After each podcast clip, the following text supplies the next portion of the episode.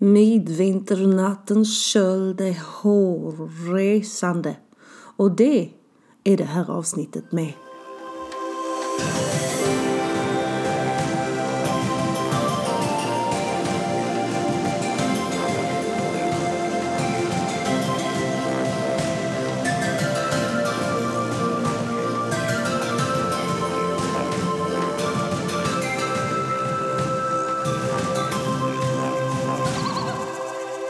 Alltså jag gillar den här gingen så mycket. Jag går runt hemma och bara do do do do do Det är en skit, det är en riktig hit. Nunne Termansen som har skrivit den. Oj, vilken hit den här gingen är. Kylan är här för er som inte märkt det. Nu är det vintertider, hej mitt vinterland indeed. Snart glad december, god jul, glad lucia, allt vad det kan vara. Jag och min roomie har börjat kolla på Greveholm, mysteriet på Greveholm, för att hon är uppvuxen i USA och har alltså inte sett mysteriet på Greveholm. Och det är otroligt kul att se den via hennes nya ögon och upptäcka en massa nytt och bara Gud vad briljant den är. Hon älskar ju den. Hon är 28 år och älskar den. Den är briljant. Och precis som att det spökar där ska vi snacka om spöken här. Och detta kommer bli ett lite extra läskigt avsnitt så ni som är känsliga hoppa över till ett annat avsnitt skulle jag råda er faktiskt. Och ni som känner att jag kan ta det, jag klarar det, bring it on. Välkomna.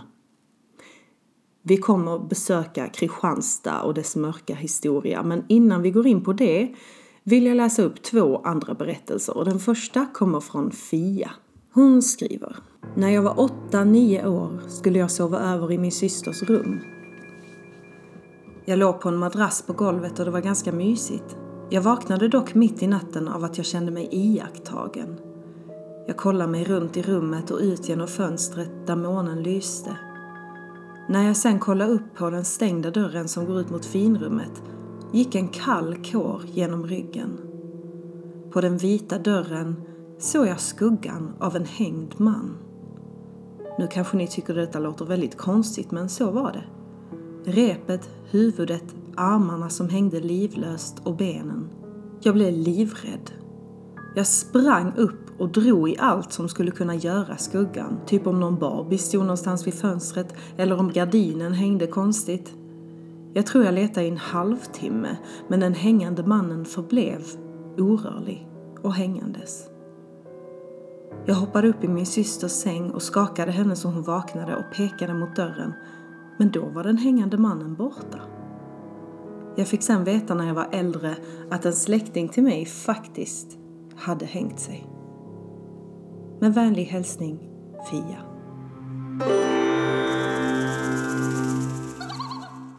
Åh, oh, Fia. Då kan det ha varit ett sånt där minne, ett sånt eh, platsminne. Du sett. Det är det där med att all tid sker samtidigt och att världarna ibland smälter samman.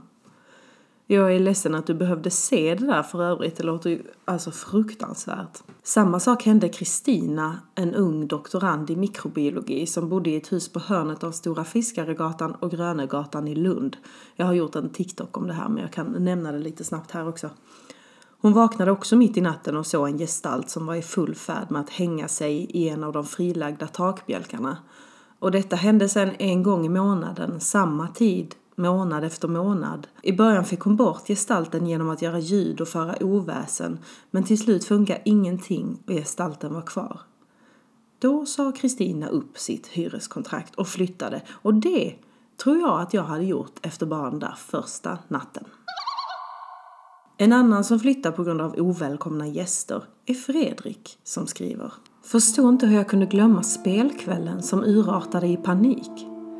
Detta är en kväll i mars 2007 hos en kompis. Hon bor på en gård som är känd för spökerier och gården som var där förr brann ner under 30-talet enligt dem. En kväll var jag och några andra ditbjudna på goddricka och spelkväll. Vi var cirka 12 personer och jag kan tillägga att vi inte hade någon alkohol med i bilden. När klockan närmade sig sent på kvällen så skulle alla ut och röka och jag gick på toan som låg genom huset på andra sidan. Jag går in och ska göra mitt och har spegeln snett framför mig och plötsligt knackade på dörren ganska hårt och typ i panik så säger jag att du får vänta, men det bankar ännu hårdare. Jag drar upp igen för jag tänker att om det nu är sån panik kan jag gå ut och pinka vid en buske istället. Men när jag låser upp dörren och ska gå ut så är det som att någon håller emot. Jag puttar och puttar men dörren rör sig inte en millimeter. Jag låser igen och säger att då var det väl inte så jävla bråttom och jag ska precis börja igen när dörren plötsligt öppnas sakta, sakta. Och jag springer dit men ingen är där. Och det är omöjligt att hinna ut genom huset utan att höras eller synas då jag bara hade två meter till dörren och personen hade haft 15 meter att ta sig igenom huset och ut. Jag frågade alla vem det var som jävlades men de bara kollade förvirrat på mig och hon som bodde i huset sa att hon råkat ut för samma sak flera gånger. Paniken övergår till ilska, sen förtvivlan. Senare på kvällen när vi spelar kort så ska jag gå och skölja ur glaset för att ta ny dricka och kollar ut genom fönstret ut mot åkern och då är där en gestalt som går förbi utanför i raska steg och jag fryser verkligen till is och vill bokstavligen börja gråta och jag vet inte varför. En av tjejerna svor på att en kvinna stod i trappan på vägen upp till ovanvåningen. Jag har alltid kunnat känna av saker genom alla år. Som ung trodde man att det berodde på inbildning och fantasier. För det hände aldrig något som gjorde att man verkligen stannade till förrän jag flyttade hemifrån när jag fick min första lägenhet i samma område jag är uppvuxen i. Då kunde jag inte undgå känslan av att ständigt vara övervakad men trodde det berodde på att jag bodde själv och att allt var nytt i både hem och livsstil. Jag började höra ljud och kände ett konstant obehag i hallen och köket. En kväll hör jag en duns från köket och jag fryser till. Jag går ut och kollar men ingen är där. När jag står med ryggen mot vasken så hör jag samma ljud igen fast fyra gånger högre. Ett metalliskt ljud. Och jag hoppar till och ser att diskstället ligger i vasken och avståndet mellan diskstället och vasken är cirka 40 till 50 centimeter. Så att den ska ha glidit ner finns inte på kartan. Och varje kväll eller natt blev känslan av obehag från just hallen betydligt mer kännbar. Till den grad att jag knappt vågade sova faktiskt. Detta var inget jag sa till någon utan att bli 110% bekräftat när min dåvarande sov hos mig och plötsligt frågar Vem fan är det som står i hallen? Där och då bestämde jag mig för att flytta. En annan gång var när jag hade flyttat till en ny lägenhet i en annan by. Jag vaknade en kväll runt 23-tiden och märkte att något var vid fotändan och i ren panik rullade jag över till andra sidan och sprang ut i vardagsrummet och in i köket. Och gåshuden pulserade genom hela kroppen och när jag tittade ut genom entrén till köket stod där en kvinna. En kvinna med mörkt hår, tydliga kindben och någon form av märke på ena kinden. Hon räckte ut sin hand och jag hörde ordet kom. Varpå jag skrek nej och föll ner i gråt. Hennes fötter var inte synliga heller och dressen hon hade var väldigt sliten och blickstilla. Jag kan inte förklara mer än att detta var det absolut tydligaste och värsta mötet jag någonsin haft. Jag vet inte hur eller varför, men efter det har jag inte känt något på samma sätt. Frågade alla i min familj om de kände igen beskrivningen men ingen gjorde det. Efter detta mötet har jag bara känt småsaker och sett någon skugga. En annan historia som var innan detta var hos min före detta där man bara man gick in i huset fick känslan av att 500 personer råstirrade på en och att någon ropade på mig. Men jag kunde aldrig lokalisera eller se vem eller vad det var. Fredrik.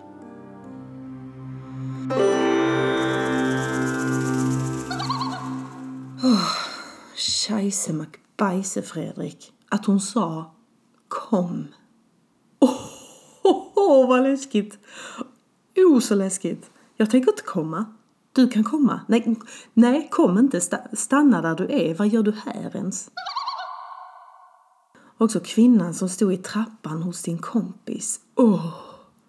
Dessa berättelserna känns som en kombination av den läskigaste spökhistorien jag visste när jag var barn. Nu är den väl inte så läskig, men då var den så himla läskig. Jag tror att det var den första spökhistorien jag någonsin hörde. Och det var min fem år äldre kusin som berättade den för mig när vi tältade i farmor och farfars trädgård en gång. Jag var kanske sex sju år. Ehm, och spökhistorien handlar om ett stort öga som var i någon garderob. Och det här ögat sa Kom, kom. Och det var en trappa där något hårigt tog tag i fötterna samtidigt som man hörde det här ögat som sa Kom, kom. Jag undrar om hon hittade på den berättelsen där och då eller om det var en historia som fanns. Det låter hur som helst som att du varit med om någon slags verklig variant av det där Fredrik, fast med undantag för det där håriga under trappan. Nu ska vi ta oss till Kristianstad och en berättelse från Kattis. Hon skriver. Hej Therese.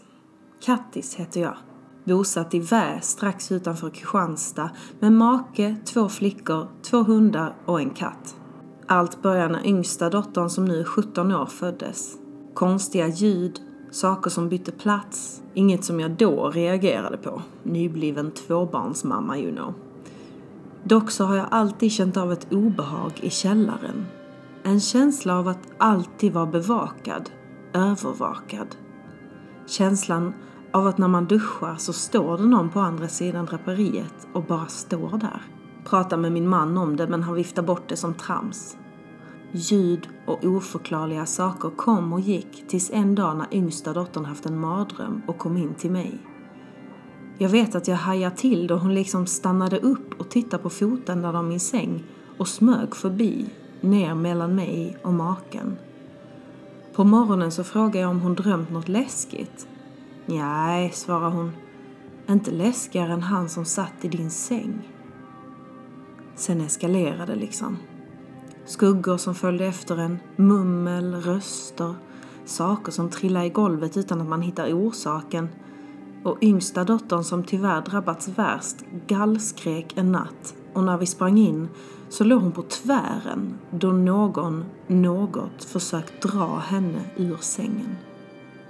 Då kontaktar jag det okända som kom hit.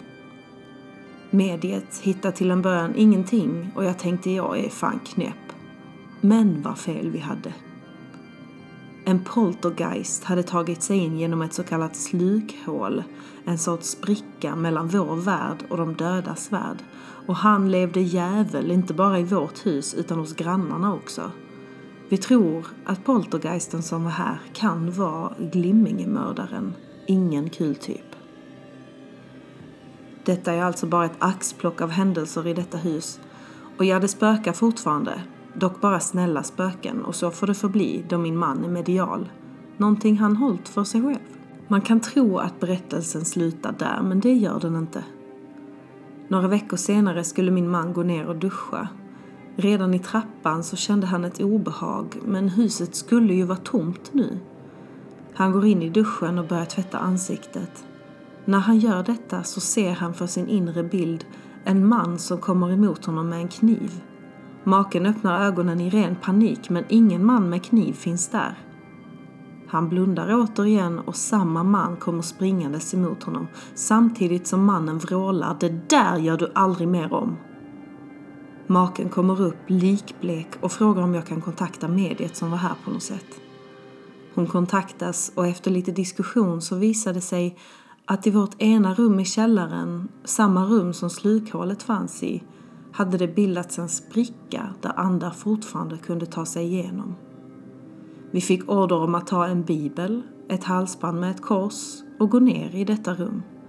Väl där nere skulle vi fatta varandras händer och be Fader vår högt och be till högre makter att inget mer skulle hända innan mediet kunde stänga sprickan. Dagen efter stängdes sprickan genom att min make fick stå ensam i rummet med mediet i telefon. Vad som hände och vad som sades där och då vet jag idag inget om. Kattis.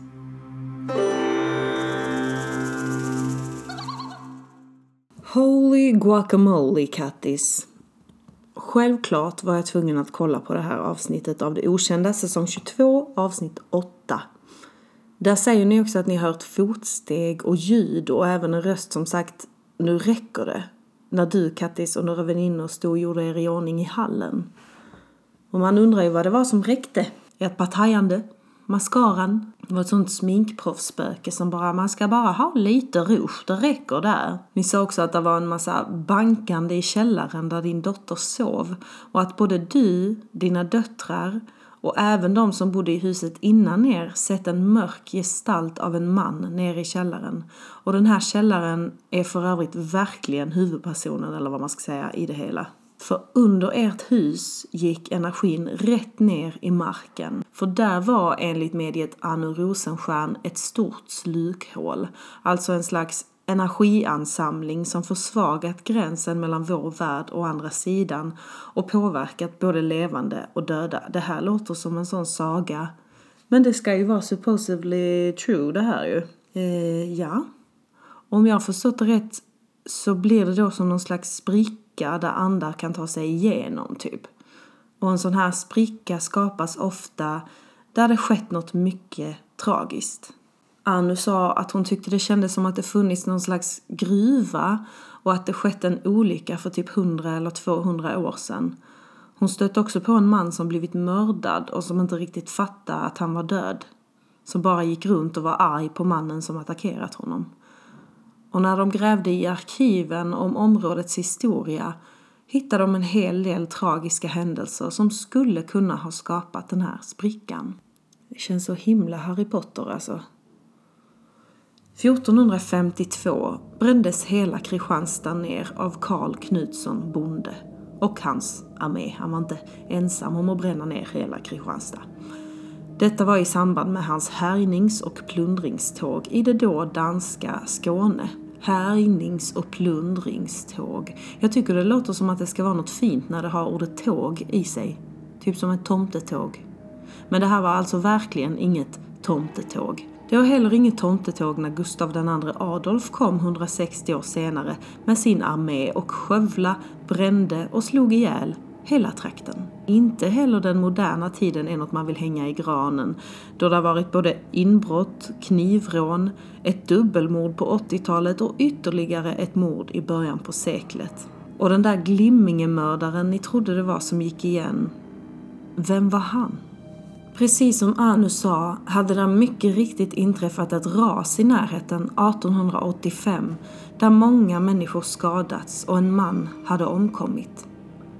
Denne mannens fru, Carolina, hade då fått ett skadestånd på 500 kronor, vilket på den här tiden var väldigt mycket pengar.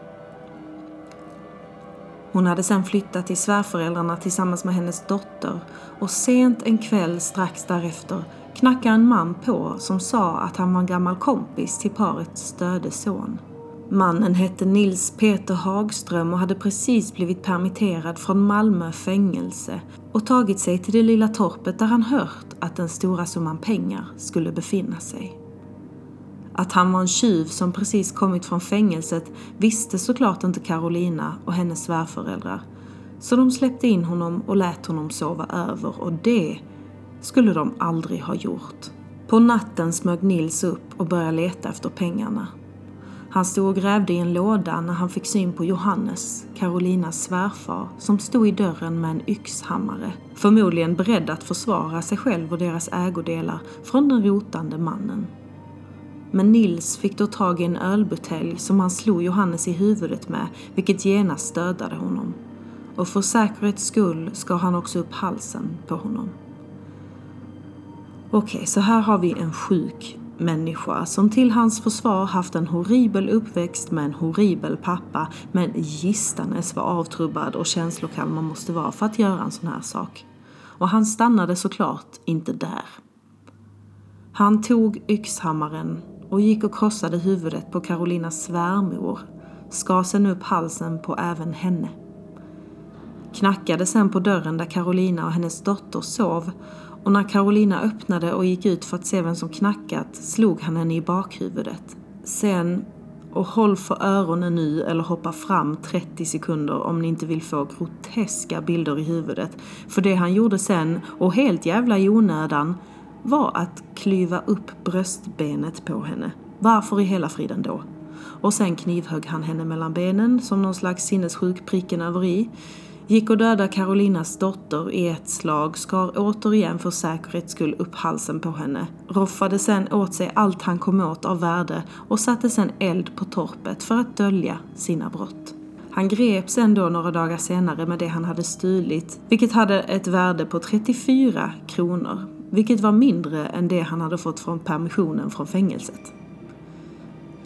Den 29 mars 1887 fördes Nils Peter Hagström, Glimmingemördaren, till Kristianstad cellfängelse och avrättades. Och det här är alltså mannen som Kattis misstänkt härja i deras hus och källare. Och den mördade mannen Arnu kände av, kan det ha varit Johannes, Karolinas svärfar? Oavsett om det var Glimmingemördaren eller ej hjälpte Anu i alla fall honom vidare till ljuset, om än något motstridigt. Hon sa att han hade en typisk poltergeist-energi. Och det ordet hör man ju hur det slängs med ibland, men vad är egentligen skillnaden på ett vanligt spöke och en poltergeist? Som jag förstått det så är ju ett spöke egentligen bara en ande, en själ från en avliden person. Och det kan ju vara skrämmande i sig om man inte är beredd på ett besök från en sån. Och en poltergeist är väl egentligen också en ande eller energi men som är väldigt negativ, kraftfull och negativ. Det är från början ett tyskt ord som direkt översatt betyder knackande eller bullerande. Förmodligen för att den verkligen hörs och syns. Det är en energi som ger sig till känna på ett våldsamt sätt genom till exempel dörrar som smälls igen, möbler som flyttar på sig eller riktiga fysiska angrepp som det som hände Kattis dotter, att hon blev dragen i sin säng. Det Anu sa om just den här poltergeist-energin var att han ville ha kontroll och makt. Men hon lyckades som sagt få in honom i ljuskanalen, som hon sa. Det finns ett ställe i Gilleleje i Danmark som heter Kanalkiosken. Så är det någon som har tagit väck K tycker jag är kul. Tack till Fia, Fredrik och Kattis för era berättelser. Gå in på TV4 och kolla på Det Okända säsong 22 avsnitt 8 om ni vill se hur det gick till när Anu fick bort poltergeisten från Kattis hus. Och för er som inte kan få nog av spökberättelser och spirituellt och andligt kan jag tipsa om Andarnas talare, en podd som finns på Spotify med Martin och Oskar. Och i dagens avsnitt har de en väldigt speciell gäst, nämligen jag. Lilla jag fick vara gäst hos dem och det sänds idag, alltså den 29 november klockan 12, så missa inte det. Ni som tog er igenom det här avsnittet, bra jobbat! Och vad sägs om att vi sätter på lite mysteriet på Greveholm nu istället för att liksom skölja väck det här, skölja väck Glimmingemördaren. Det ska jag göra i alla fall. Okej, okay, hörs nästa vecka. Ha det gott! Puss hej!